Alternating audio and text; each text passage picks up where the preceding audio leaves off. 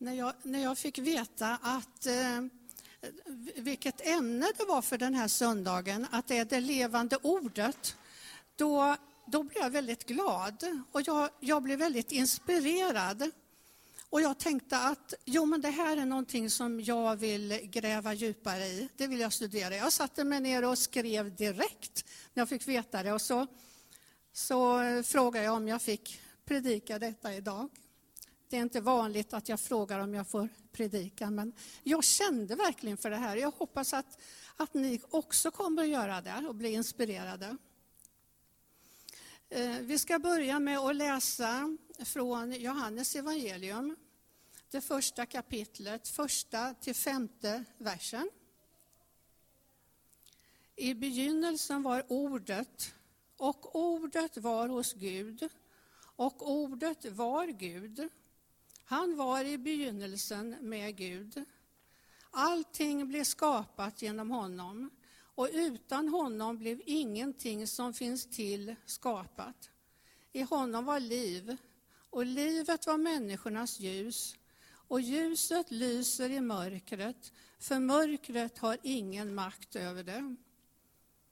Nu ska jag läsa det här en gång till, men ändra någonting här men som man kan göra. I begynnelsen var Jesus. Och Jesus var hos Gud och Jesus var Gud. Han var i begynnelsen med Gud. Allting blev skapat genom Jesus och utan honom finns ingenting som finns till skapat. I honom var liv och Jesus var människornas ljus. Och ljuset lyser i mörkret, för mörkret har ingen makt över det. 2011 så började jag eh, skriva ner allt, läsa och skriva ner allt som jag hittade om trohet mot Guds ord och det kristna arvet. Därför att, eh, och det fanns hur mycket som helst att läsa om det. Och eh, eftersom man på allvar hade börjat ifrågasätta Bibeln och man feltolkade Bibeln och kritiserade Bibeln. Därför var det många som, som eh, stod upp för Bibeln och försvarade den och dess trovärdighet. Och någonting som jag fick syn på det var Kapstadsöverenskommelsen. Jag vet inte om alla vet vad det är för någonting. Men i alla fall 2010 så möttes 4 200 evangelikala ledare från 198 länder när Lausanne-rörelsen samlades i Kapstaden. Lausanne-rörelsen det är en profetisk eller en protestantisk evangelisk rörelse som började 1974 med en eh, kongress. Och det här är uppföljningen av den. Jag tyckte att det var så väldigt bra det här, jag, eh, vad som stod här. Det står så här att hela Bibeln lär oss allt som hör till Guds plan. För den är Guds ord. Guds plan, det som Gud vill att vi ska veta. Vi underordnar oss Bibeln som sann och tillförlitlig i allt, det, allt den påstår för den är Guds ord som aldrig ljuger eller slår fel. Den är tydlig och tillräcklig för att uppenbara frälsningens väg. Den utgör själva grunden för att utforska och förstå alla aspekter av Guds sanning. Visst är det bra? Det kan ni väl hålla med om? Det är fantastiskt bra uttryckt.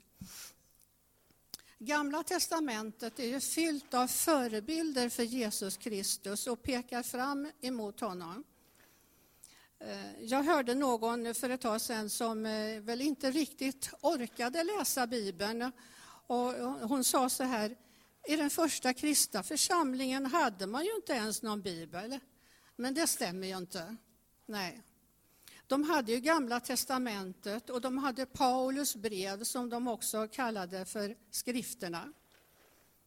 Och några hade ju levt tillsammans med Jesus. Det står att Paulus var helt upptagen med att predika ordet och han utgick ifrån Gamla testamentet. Det står också att Paulus utifrån skrifterna offentligt bevisade att Jesus är Messias. I begynnelsen var ordet Kristus. Allt blev skapat genom honom och till honom. Ordet blev kött, Kristus blev människa. På försättsbladet i min bibel har jag skrivit ett citat av Wilfrid Stinnesen. Det, det, han skriver så här. Börja alltid bibelläsningen med en bön om att i detta Guds ord få möta Jesus Kristus. Möter man inte honom går man miste om det väsentliga. Och det är, det är min egen önskan och bön att jag ska möta Jesus när jag läser Bibeln. Är det nödvändigt för en kristen att läsa Bibeln? Richard Foster han skriver så här. Guds skrivna ord till alla människor kan bli Guds levande ord till mig personligen. Och I Andra Timoteusbrevet läser vi hela skriften är utandad av Gud och nyttig till undervisning, till bestraffning, till upprättelse och till fostran i rättfärdighet. Och psalm 19 handlar ju om, om Guds uppenbarelse i skapelsen och i ordet. Och eh, det är David som har skrivit salmen och jag ska bara summera vad, vad han skriver om ordet. Och du får gärna tänka efter, att, tänka efter, är det här någonting som är viktigt för mig? Är det någonting som jag vill ha? Det står så här, det ger själen nytt liv. Det gör enkla människor visa. Det ger glädje åt hjärtat. Det upplyser ögonen. Det är dyrbarare än guld och sötare än honung. Genom dem blir din tjänare varnad. Den som följer dem får stor lön. Jag håller med om allt detta. Jag vill ha detta i alla fall. Jag tycker det är väldigt bra. Och Gud sa ju redan till, eh, genom Mose till Israels folk när de eh, gick in eh, i löfteslandet. Ordet är det mycket nära i din mun och i ditt hjärta så att du kan följa det.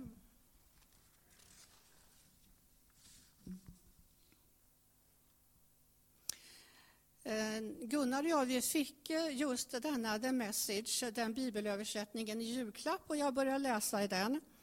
Och eh, i psalm 40, vers 7 och 8, det står så här.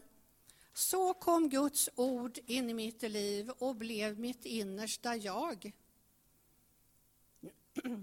Och i psalm 119. Ditt ord gäller, Gud, och varar outslitligt som himlavalvet. Din sanning blir aldrig omodern. Det är ju genom att läsa ordet som jag lär känna Jesus. Jag tar ordet Jesus Kristus till mitt hjärta och han blir mitt innersta jag. Det är ju ett liv jag lever. Jag möter, Jesus möter oss i vår vardag. Där jag är, det är Jesus. I Fader vårbönen så ber vi helgat var det ditt namn. Och ett av namnen är Jehova Shammah och det betyder Herren är alltid närvarande. När vi bäst behöver det kan ett bibelord dyka upp i vårt medvetande. Ett ord av tröst när vi upplever sorg och smärta. Ett ord av frid när vi är rädda. Ett ord av uppmuntran när vi känner oss modlösa. Precis som vi hörde här till barnen. Det finns många löften i Bibeln och han sviker ju aldrig sina löften. Det står så här i psalm 145. Herren är trofast i allt han säger och kärleksfull i allt han gör. Jag hörde berättas om en man som var svårt sjuk. Eh, han visste ju inte vilken dag som skulle bli hans sista. Men varje kväll så tackade han Gud för dagen som gått och så sa han Om jag vaknar imorgon är du hos mig. Om jag inte vaknar är jag hos dig. Vilken förtröstan. Han litade på Guds löften. Vi har en gudskvinna i församlingen som heter Lilly. Många känner henne. Vår äldsta medlem. Jag, jag brukar besöka henne varje vecka. Eh, hennes knän är utslitna och hon har väldigt svårt att ta sig någonstans så hon är ju mycket hemma. Och vi brukar läsa Bibeln tillsammans. Biblar. Hon har en norsk och en svensk, för hon är ju född och uppvuxen i Norge. De är väl lästa. Båda biblarna är nästan, nästan sönderlästa. Det är många understrykningar och anteckningar. Guds ord har kommit in i hennes liv och blivit, blivit hennes innersta jag. Lilly är så förnöjsam och har en sån förtröstan på Gud.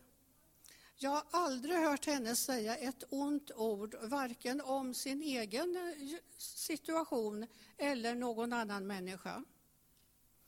Jag var hos henne senast i torsdags och jag berättade att jag skulle predika här idag och att jag skulle prata om henne. Så hon bad mig hälsa till er allihopa. Vi hoppas att hon ska kunna ta sig hit lite längre fram i vår kanske. Jag har läst väldigt mycket under den här pandemin. Jag har besökt biblioteket varje vecka. Det har varit historiska romaner, eh, deckare och Eh, biografier och mycket som har varit intressant. Men när jag försöker tänka efter vilka titlar eller vilka författare eller vad böckerna handlar om så i de flesta fall kommer jag inte ihåg något. Men det gör ju faktiskt ingenting. Men man, man kan behöva lite spänning ibland. Och, och, och visst, visst, har jag blivit berörd av många berättelser. Eh, jag har inte svårt för att gråta om jag läser något sorgligt eller något, något eh, så. Men till skillnad från Guds ordet kommer det inte in i mitt liv och blir mitt innersta jag. Eh, vi har en tavla på väggen hemma. Eh, Gunnar tror att det är hans farmor Linnea som har broderat den där tavlan. Eh, hon har broderat en eh, krans med stjärnor med guldtråd. Eh, väldigt vacker. Och i den här kransen och det är från en av Frälsningsarméns sånger. Det står så här. Det är, Guds, det är Guds löftesord som bildar stjärnekrans. Och om man fortsätter eh, så lyder eh, sångversen så här. Var stjärna strålar klar med oförgänglig glans. Guds folk från fordom tid har lysts av deras bloss och lika skönt ännu nu de lysa väg för oss. Det står ju i psalm 119 som vi sjöng här, ditt ord är mina fötters lykta och ett ljus på min stig. Eh, under de senaste veckorna har jag haft ett nytt projekt hemma. Jag har tagit hand om fotografier jag hittade i källaren en gammal ram som jag inte... Ja, det var väl någonting i något motiv som jag inte ville ha upp på väggen. Men eh, då, där har jag satt in väldigt gamla fotografier. De äldsta är från slutet av 1800-talet. Det är Gunnars farmor och farfars och min farmor och farfars bröllopskort. Det är såna här riktigt gamla kort, ni vet, som är papp de är eh, hårda pappkort, väldigt, väldigt vackra. Och det är också ett, ett eh, kort på min mamma när hon var ung och var söndagsskollärare och hade en bild på henne och hennes elever, det var sju stycken. Och det är på, på eh, våra ja, farmor och farfars barn, deras hela familjer har jag också sådana kort.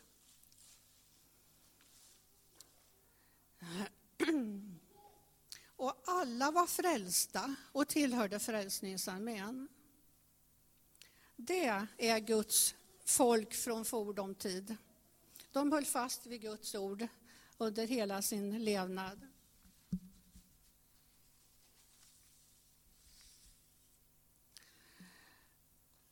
Jag har också satt upp foton på mina barn och barnbarn.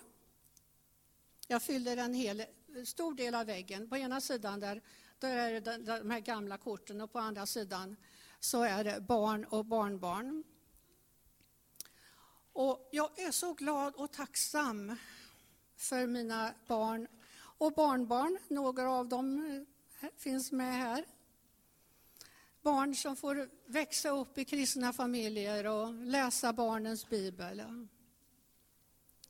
Ja, och jag kan sitta i min fåtölj och titta på de här bilderna. De gamla och de unga, de barnen. Dessa Guds gåvor, dessa välsignelser i fem generationer. Det är, det är fantastiskt, det är underbart. Jag ska sluta med att läsa en av de bibeltexterna som eh, tillhör den här söndagen om det levande ordet. Det är från Romarbrevet 10, 13-17. Ty var och en som åkallar Herrens namn ska bli frälst. Men hur skulle de kunna åkalla den som de inte har kommit till tro på? Och hur skulle de kunna tro på den som de inte har hört? Och hur skulle de kunna höra om ingen predikar? Och hur skulle några kunna predika om de inte blev utsända? Det står skrivet, hur ljuvliga är inte stegen av dem som förkunnar det goda budskapet.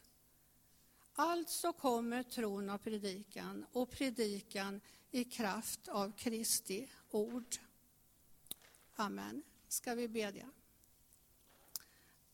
Tack Jesus för det levande ordet. Tack för att vi får läsa ordet och vi får möta dig i ordet. Och tack för att det, det finns ord för varje situation i vårt liv. Vi kan få hjälp och vägledning och vi kan bli varnade, vi kan bli uppmuntrade av ditt eget ord. I Jesu namn. Amen.